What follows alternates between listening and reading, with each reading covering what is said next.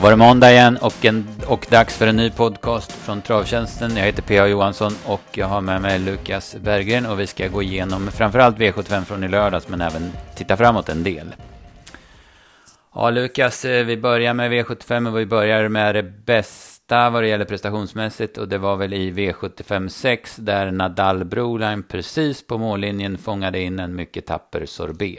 Ja men exakt, det här blev ett väldigt rafflande lopp. Vi, vi tog ju ställning på slutspelet och spikade Make the Mark och vi hoppade att han skulle hålla ledningen och ja, när, det, när loppet blev som det blev, att han höll ledningen och det kostade i stort sett ingenting för klassen. Det var ju ingen, ingen jättesnabb öppning så jag trodde att det skulle vara spel mot ett mål. Men man, man såg redan där 400 kvar att Örjan började kolla utåt hade Ulf hade lite slag i linorna så nej, Sorbet gjorde ju ett jättelopp och men som sagt, Nadal-brorna flög ju längst ut i segern. Jag hade någon 08 sista 400. Han har ju verkligen stått på tur för segern längre tid och ja, det var en riktigt bra insats och ett eh, rafflande lopp.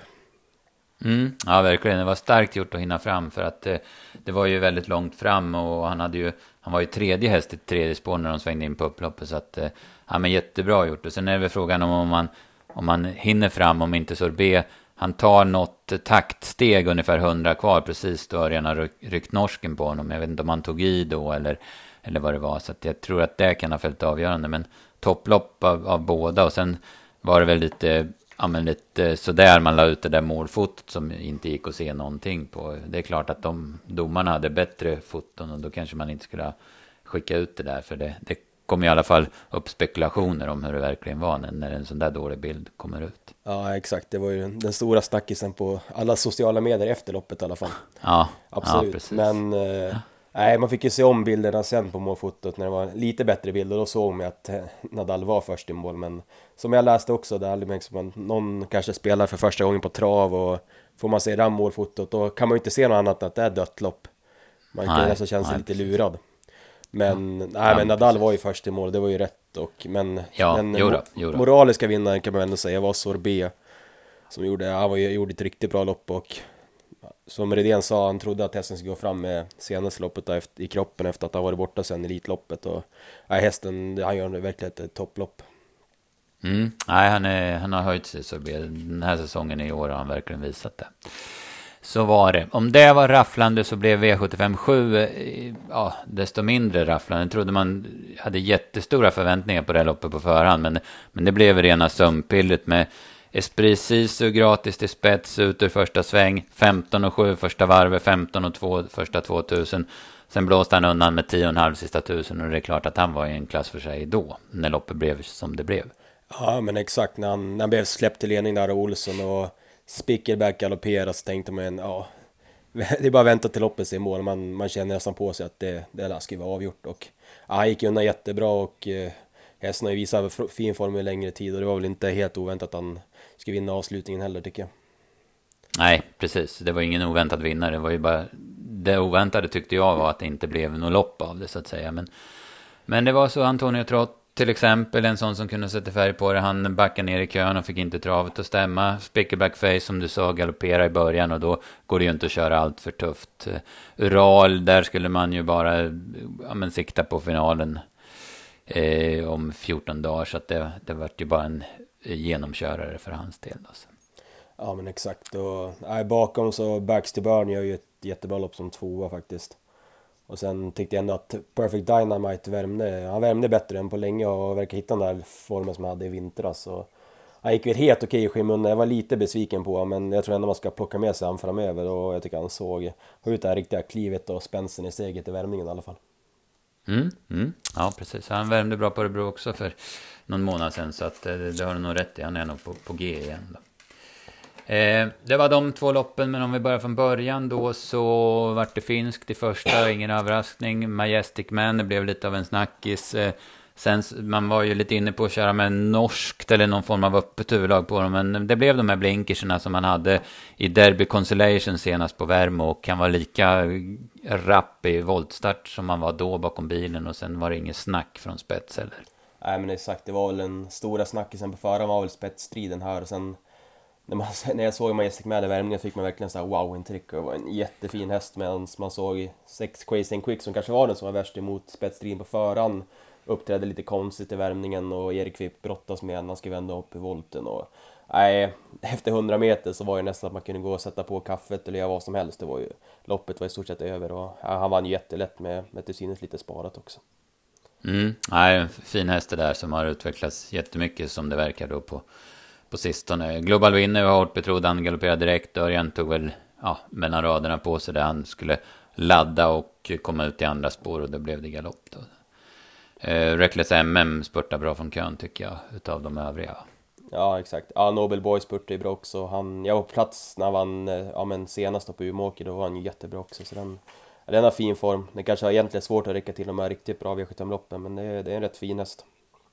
Och sen mm. ett ja, eh, Majorovic, den, den värmde väldigt bra. Det blev ju en liten snackis om den också före loppet, men den gjorde också sagt bort sig med galopp och men den tror jag kan man ta med sig, den, eh, när den får springa i spets så är den jäkligt bra. Vanligt V64-lopp eller något ute i Norrland så fick den kunna hävda sig bra. Mm. Ja, han har ju kapacitet för han har ju vunnit V75 från ledning tidigare. Så. Absolut. Eh, sen var det V75 2. Det, vart, eh, det var struligt. Det var två hästar som, eh, eh, ja, men som bråkade. Eh, som de blev strukna. Bayview och Bear Beautiful. Det drog ut på tiden lite grann. Sen när loppet gick iväg så blev det flera galopper. Selma Töll kom kanonbra på det. Tredje par invändigt och sen gick hon ut utvändigt ledan. 1300 kvar. Och sen eh, gjorde hon ett jättebra lopp som vann lätt. Och hon, hon, är, hon är bra när hon får sådana här lopp. När hon får vara med där framme och kriga liksom. Hon, hon trivs klart bäst med det. Ja men exakt, hon gjorde ju ett eh, jättebra lopp och jag var nästan lite förvånad att Björn Goop valde dödens där 1300 kvar. Jag tänkte sitt kvar nu så att man kan få Henke Payton i dödens där så men han gjorde ju rätt och gick ut och sagt det blev väl inte världens eh, mest spännande lopp. Det blev fem av tolv hästar som gick felfritt och ett Kaktus var väl den som trendade mycket på spel den sista timmen. Det var ju bra snack på henne om man skulle prova med sån där eh, blinkerskogis överlag som man hade på, på Dixie Brix som vann förra veckan. Hon klev iväg bra men galopperade typ 500 kvar till synes lite omotiverat. Och sen... Mm, det såg lite segt ut då, ja, jag. Men... var lite besviken på henne. Man trodde att hon skulle ha bra chans där när, mm. när hon kom till ledningen. Och sen eh, snackisen också var väl Hanky Panky Paytons värmning där som inte... Det flöt ju inte perfekt och hon... Det är aldrig en häst som har travat bra men det var nästan nu att det flöt sämre än tidigare och det var ju...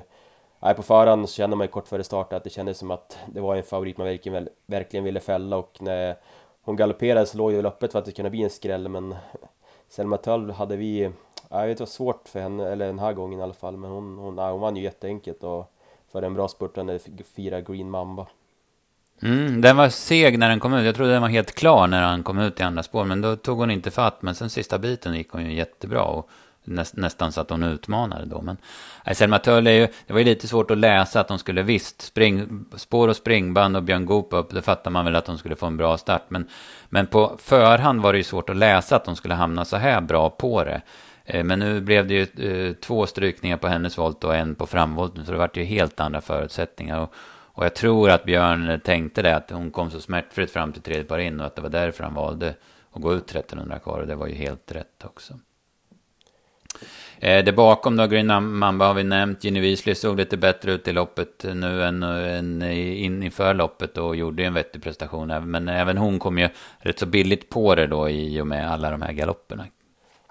Ja men exakt, och sen 11 B Victory trodde jag skulle ha, ha bra chans 400 kvar men när Jansson vek ut så fanns det inte så mycket tömmarna och det blev ju en del snack på den före start också, den var ju hårt spelad men nej, det blev en liten besvikelse. Mm, nej precis. Eh, sen har vi V75 3 då, då var, kom, eh, attackerade Melby Granat tidigt. Det, det blev fjärde spår men han eh, blev sen släppt i spets och sen så är det ju en jäkla gång i den här hästen. Han lägger ju hur mycket mark under sig som helst och han vann eh, ganska opressad på en, för klassen bra tid. Så det, det här är ett eh, löfte hos Robert Berg. Ja absolut, jag tycker nästan att detta var en av de bättre prestationerna under dagen om man tänker på klassen och hästarna liksom. Han, han fick ju tuff väg till ledningen men gick undan. Jag hade väl någon 10 och en halv sista 800 eller sånt där eller vad det var.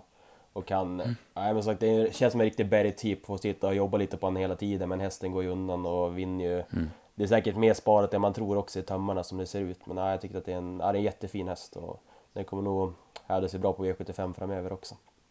Mm, ja, precis.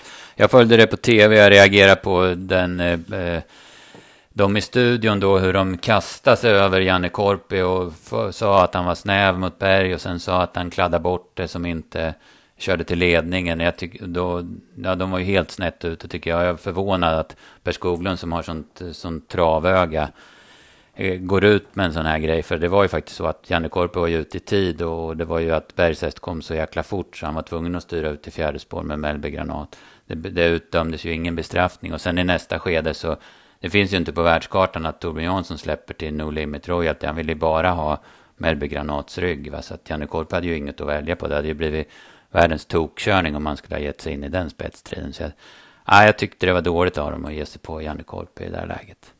Ja, jag håller med och vi kan ändå nämna No Limit Royalty som gjorde, som gjorde en bra insats som två också. Det var, kunde inte bli något mycket annat än andra plats efter att ha fått den där resan. Men den var bra och sen bakom där så var det, alla fick ju chansen. Det var ingen som jag riktigt tog med mig framöver kanske. Nej, jag tror att det är, eller det är nog så att Mellby Granat och No Limit Royalty är två riktigt bra hästar för klassen. Sen hade vi lite framgång på redaktionen kan vi säga då Steve Delbro som är en av de som jobbar för oss, eh, tränar och deläger Don Viking som lyckades dra det längsta strået i en oerhört tajt eh, målstrid där med Lukas Rauen och sen satt Husnes Elving fast bakom. Ja men exakt, det var ju det blev verkligen ett rafflande lopp och när de kom där på, in på upploppet så kom de från alla håll och det är jättekul att Don Viking äntligen fick vinna. Han har gjort det, har gjort det bra under längre tid och såg ju nästan klar ut 300 kvar senast där på Solänget men fick då nöja sig med en andra plats bakom 12 husens Elding och det var väl lite hans tur att få, få sätta nosen först. Och, ja, på förhand tänkte man att de på 40-fållan skulle ha en rätt tuff, tuff uppgift att plocka 20 meter på de där framför och sagt de stod ju 20 meter tuffare till nu än senast mot husens Elding där men ja, det var de två som gjorde upp om segern. Det var ju verkligen en häftig slutstrid och det var kul för Steve att Don Viking fick vinna. Mm, ja, precis. Han har ju haft en jättebra säsong, Don Viking. Och tänt till nu, som dels i fjol då, fast han inte startar så ofta, och sen i år då, som 9 och 10-åring har det, har det verkligen lossnat för honom. Och han hade ryckhuva den här gången, det var kanske det som avgjorde. Han torskade knappt senast och nu kunde han vinna. Och sen satt ju, som jag sa, Husnäs Elving fast då med, med allt sparat också. Lukas Raven tycker jag var positiv. Framförallt så funkar han jättebra i travet den här gången. Till skillnad mot senast då. Ja men exakt, ja, den var jättebra och man måste ju ändå berömma Örjan också. Han vet ju vars mållinjen ligger på Bollnäs. Det var inga små marginaler. Man sitter, sitter de åtta inne och han... Man såg också på TV att han använder ju bara händerna i stort sett. Han använder inte körspöet för att, för att få hästen först. Och, ja, det var snyggt. Och, Ja, det var, jag tycker det var ett roligt lopp. Vi hade ju lite drag på kosoding före som det var, som blev det hårt spel på på liret också efter bra rapporter där men ja, Han satt i kvar när de gick från spåren och då behöva han gå, gå med i rigg på hästarna som står 20 bakom. Det, det blev för tufft och hästen gjorde väl klart bra men ja, jag vet inte, det var lite besvikelse kanske. Mm, ja precis, han har, han har gjort bättre lopp, Kosodin absolut. Eh, det var kallblodsloppet där, sen går vi över på nästa lopp, långloppet. Där trodde ju i alla fall jag att det skulle bli en rätt häftig du duell mellan Nurmos båda Marrakesh och Magic Cash. Men, men då hoppar ju Magic Cash ganska tidigt så, så vart det ju inget utav det. Utan då vart det Marrakesh till ledningen. Sen ser han väl inte så där jättebra ut un, undervägs, men, men när Jorma begär av honom så, så hade han massor sparat och jag hade 11 och 7 sista tusen på honom. Det är ändå rätt starka papper i ett 3 och 1 lopp. Ja men exakt, nej, han var ju han var jättebra och som sagt när han kommer rätt billigt till ledningen så tänkte man ju att det skulle vara en bra chans. Men man ville ju att ha den där duellen sista rundan med Maddie Cash utvändigt men eh, när Örjan styrde på så blev det galopp och eh, sista 700 tänkte man att det var, ser lite trögt ut i, i Marrakesh men det var som ingen som kunde något bakifrån och han gick ju undan gick undan bra till en säker seger för en positiv Young Davici och en bra spurtande Cinco Jet. Mm. Nej, de gjorde bra prestationer bakom, absolut. Men åt vinnaren var det inget att göra. Han, han har bara gjort, det var nionde starten och han började ju med, med att rada upp dem och sen hoppade han i, i finska derbyt då. Så att eh, det här är ju en, eller det finska kriteriet ska jag säga. Det här är ju helt klart en spännande häst för framtiden. Eh, det var V75 på Bollnäs det. Ja, det var en spännande, en del spännande upplopp och det var bra lopp eh, tycker jag på det hela taget. Så det var, det var en kul V75-omgång. Eh, om vi ska titta framåt lite grann så har vi V86 på, på eh, onsdag. Jägers och Valla, precis som det var i onsdags. Och från förra veckan så kan vi väl ta med oss en grej där när det gäller sista avdelningen. Man får vara lite försiktig där med, med var man hamnar med, med streck vi var ju väldigt inne på My Tambourine Man och det var vi ju absolut inte ensamma om. Utan Eh, det var värt, ehm, nu ska vi titta här så jag säger rätt. Det var värt 54 000 inför sista. Och vinner My Tambourine Man som var 10-procentare på lunchen. Men vinner han sista så ger det 70 000. Så han var alltså mer än tre gånger så mycket spelad än, än någon annan häst. I just av de som var kvar inför sista avdelningen. Så att det gäller på, framförallt kanske på V86 där, där systemen ser ganska lika ut ändå. Att komma från de här kommundragen som vi säger. Det, det, det gäller att, att, hitta sin egen syn på loppen. Det är inte det lättaste, absolut inte. Men, men man ska ha med sig det att de, de man anar ska bli sådana här drag, att man ska passa sig lite för dem. Det var ju likadant gången innan med Unet och Algard. Nu vann ju hon, så det blev ju rätt. Men, men det var ju ingen rens på henne till sista och medan jättestor rens på, på övriga. Då, så att man får tänka lite även eh, bedöma spelvärdet i hästarna liksom också. Ja, men, men, som sagt, onsdag och, onsdag och V86 eh, Jägers och eh, Valla igen då. Vi hade några hästar där som vi var lite sugna på. Det var väl i slutet av kupongen. Jag eh, vill varna lite grann för Apple Rose i den sjätte avdelningen. En ganska fin häst som nu har fått tre lopp i kroppen efter mycket strul och lång frånvaro. Jag tycker hon har gjort tre bra lopp och nu har hon perfekt läge med spår 1 i volt och startsnabba Micke J. E. Andersson i vagnen. Medan förhandsfavoriten Lady Nadine har bakspår. Hon är inte helt enkel, Lady Nadine. Hon vann bakifrån på Örebro i årsdebuten, så det funkar. Men som sagt, hon är inte helt enkel, så hon är inte gynnad av läget i alla fall. Eh, sen hade du en idé där, eller lite tankar om V86 7, dagens dubbel 1. Ja, där Sevilla lär bli klar favorit. Ja men exakt, vi kan snacka lite om eh, båda dagens dubbellopp. Men eh, Sevilla var ju bra senast, men det är ju som innerspåret. Han, har, han öppnade ju bra från, på Kalmar, han har väl upp innerspåret där för tre starter sen. Men han möter ju några startsnabba nu och jag tror inte helt omöjligt att sån som Raja Press som är erkänd startsnabb skulle kunna ta en längd.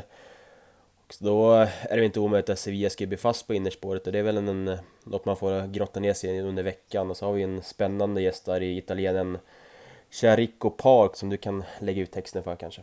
Ja, precis. Jag har ju hunnit med att kolla upp eh, den lite grann. Den kom ju med starka meriter, har ju vunnit en hel del lopp i Italien och sen på sistone har den tävlat i Frankrike. Och jag har sett de tre sista den har gjort ett riktigt bra lopp varje gång. De, eh, på Vincennes i maj och Angien gången efter så har den suttit i kön och spurtat, spurtat väldigt bra. Senast så öppnade den eh, rätt så bra och kördes till ledningen och, och sen släppte den eh, till Norton Commander. Den vart avhängd och var väl kanske inte riktigt lika vass då, men det, men det var ett tufft lopp som kördes i tufft tempo. Det gick 10 första 1100 metrarna, så att han lite, var väl lite ursäktad ändå. Då. Och Norton Commander visade ju sen i jubileumspokalen hur bra han är. Då, så att det kanske, han kanske behöver ha det här loppet för att komma in i liksom svensk tävlan. Och han är ju bara fyra år och möter äldre hästar. Men en jättespännande häst. Det är väl ja, men en av de eh, som en av de bäst meriter som har kommit från Italien till, till Sverige nu på, på länge nu tycker jag. Så att eh, den ska bli jättespännande att följa i alla fall. Yes, så kan vi ändå nämna lite om avslutningen där. Ebony Bocco som eh, Läby favorit antar jag. Det är spetsläge och han var jättefin vid segern senast. Men nu är det 2-1. De så jag kollar åtta senaste starterna har varit på 1600 och det är väl i våra ögon så är det väl en sprinter och nu möter han ju rätt tuffa hästar i Buljang och Olle Roll som eh, brukar gilla att hålla tempot uppe och skulle de, någon av dem sätta press på Eben och som inte får sitta i fred i spets så tror jag det kan bli det brukar kunna bli tunga sista 300 där och på, och, på förhand känns Olle Roll spännande. Han såg jättefin ut inför loppet senast, eller näst senast där, men galopperade då bort en framskjuten placering och äh, han är bättre än raden. Det var ett lopp, han återkommer efter vila och jag antar att han kommer vara bättre nu. Han har gått ett kvallopp inför det här också på, på ett bra vis. Och, nej, det känns som en spännande i avslutningen och Örjan upp där känns ju också klart intressant. Mm, nej, precis. Jag hade klockan till 8,5 sista 800 sist och då var det ju ingen körning sista 50 då eftersom man galopperade då. Men det är de här galopperna oroar ju en del, men det är som du säger, det är ju en jättespännande uppgift. Och nu är inte jag någon statistiknörd, men jag noterade det att han är obesegrad på Valla också efter fyra starter. Så det får man väl i alla fall ta med sig. Master Crew var ju med i samma lopp som Olle Rolls eh, där på Jägers, där som Heart of Steel vann. Och han var väl inte lika bra, men gången innan på Åby däremot var han ju riktigt bra. Så, så eh, han kan ju fortfarande Master Crew, även om han är väl lite beroende av lopp. Eh, det kan ju bli bra åt den här, trots att han har bakspår då. Lite halvlämpligt emot som det känns. Men helt klart eh, två favoriter från innerspår på, på dubben. De ska vi syna rejält innan vi släpper tipserna på onsdag klockan 15.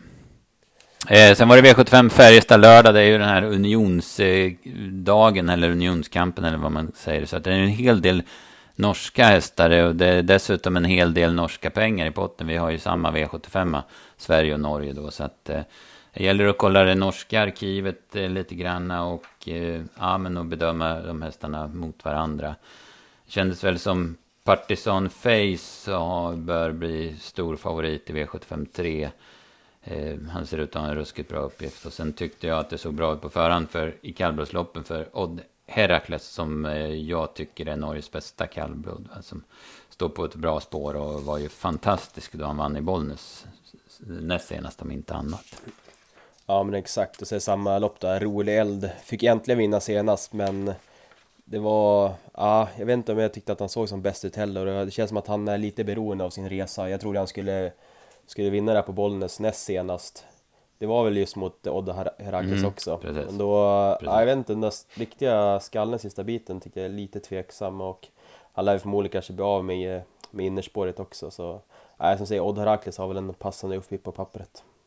Mm, precis, men nu lär ju han bli ganska stor favorit misstänker jag. Så att det, man får gå igenom det ordentligt. En, en sån som Klepperslauren är ju, den är inte mycket sämre än Herakles, men jag kan inte formen hos honom för dagen och sen har han ett mycket sämre läge då. Så att, ja, men vi får se, det ser väl spännande ut. Jag kan ju eh. prata lite om V755 också då. Exit Angå tycker jag är en spännande start. Det var ju mycket han inför senast där från Sport 12 på Örebro när man skulle rycka skorna. Det var första i regi Timo Nurmos och en bike på men och hästen såg jättefin ut före loppet men fick en stig inledning och eh, allt blev i stort sett fel den gången han galopperade uppgivet. Men jag tar verkligen med mig intrycket och det här hästen man verkligen har gillat hos eh, Lars de Karlsson tidigare och eh, jag tror den har mycket att hämta framöver. Jag tycker att loppet kändes klart passande. Ett Eskil Chape galopperade mest troligt bort segern senast på Solänget och den blir ju förmodligen av med innerspåret här. Jag tycker den har haft, det var inte helt oväntat, den har ju alltid haft lite problem med travet till slut och alltid lägga ner till galopp. Och sen tyckte jag ändå att eh, nio Dexter Brick har ju en sån här som jag har följt en längre tid som har, som har visat rätt bra form och första på Carl-Johan Jeppsson på den känns ju mm, spontant klart intressant. Mm, ja, den såg ju verkligen eh, strålande ut i spets senast. Men nu når han ju inte spets, men han har ju vunnit bakifrån tidigare så det funkar ju. Nej, men Exitan gå, den, den, den måste man ju tro på så här innan har gått igenom loppet så där våldsamt. För det, det är som du säger, den såg jättefin ut på Örebro, inför loppet på Örebro senast. Yes. Eh, ja, det är V75 på Färjestad där. De tipsen släpper vi fredag klockan 15 så att det är eh, det är lite smått och gott i veckan att jobba med. Sen har vi ju dessutom, det får vi inte glömma, ja. eller jag håller på att glömma det, vi har ju kriterie och oxkvalen på tisdag. Alltså kriteriekullen, alltså hingstarna som är tre år, vilka hästar, vilka löften det finns. Alltså. Ja, verkligen. Det blir en, en kväll att se fram emot och på förhand så det är väl en fyra, fem hästar som är betrodda och det är verkligen en stark upplaga som känns spännande på förhand. Mm, ja, precis. Det ska bli hur spännande som helst att se en sån som Hail Mary som visade grym kapacitet. Har gjort i båda sina starter. Och sen Dante Godiva som du känner från, från dina hemtrakter och som väl är ert jättehopp inför kriteriet. Ja men exakt, jag var ju såklart på plats när den vann senast på Umeåker och äh, det är ju en jättefin häst som jag vet man, man håller verkligen högt från stallet och äh, det ska bli kul att se den nu mot äh, den slog ju bra hästar senast men nu blir det ett riktiga elddopet och det ska bli, äh, det ska bli kul att se. Mm, ja, precis. Han har ju en av förhandsfavoriterna i Global, i Global Adventure emot sig. Så att det, nej, det blir ruggigt spännande. En ruggigt spännande dag imorgon på, på Solvalla. Så att, eh, ja, det ser vi fram emot. Kanske inte blir den mest superdagen rent spelmässigt, men sportsligt blir det fantastiskt. Ja men exakt, sån där kväll får man nog släppa spelet och njuta av sporten istället. Det brukar, det brukar Mm. vara så. Om man inte väljer att spela någon flerbång eller liknande kanske. Ja, precis. Det, det, det är ju som är ungefär som i derbykvalen. Det blir väl någon smäll. Det gäller att hitta den då, om man ska ha, få något med på, på systemen. Så att, ja, nej men skitspännande dag som sagt och eh, roliga omgångar framöver. Öppet tycker jag både på V86 och som det såg ut utan att ha gått igenom det på V75 på lördag. Så att vi, vi får kämpa på och försöka leverera så bra tips som bara är möjligt till, till våra köpare. Jajamän, så får vi bara gräva ner oss i arkivet och hitta nya vinnare så, så hörs vi framöver. Ja, precis. Vi kör en ny podd eh, nästa måndag. Med all sannolikhet. Det är väl tekniken som kan haverera, annars så, så ska det komma en. Får vi se. Yes, perfekt. Ja, toppen. Vi, tack för den här gången. Mm, tack så du ha.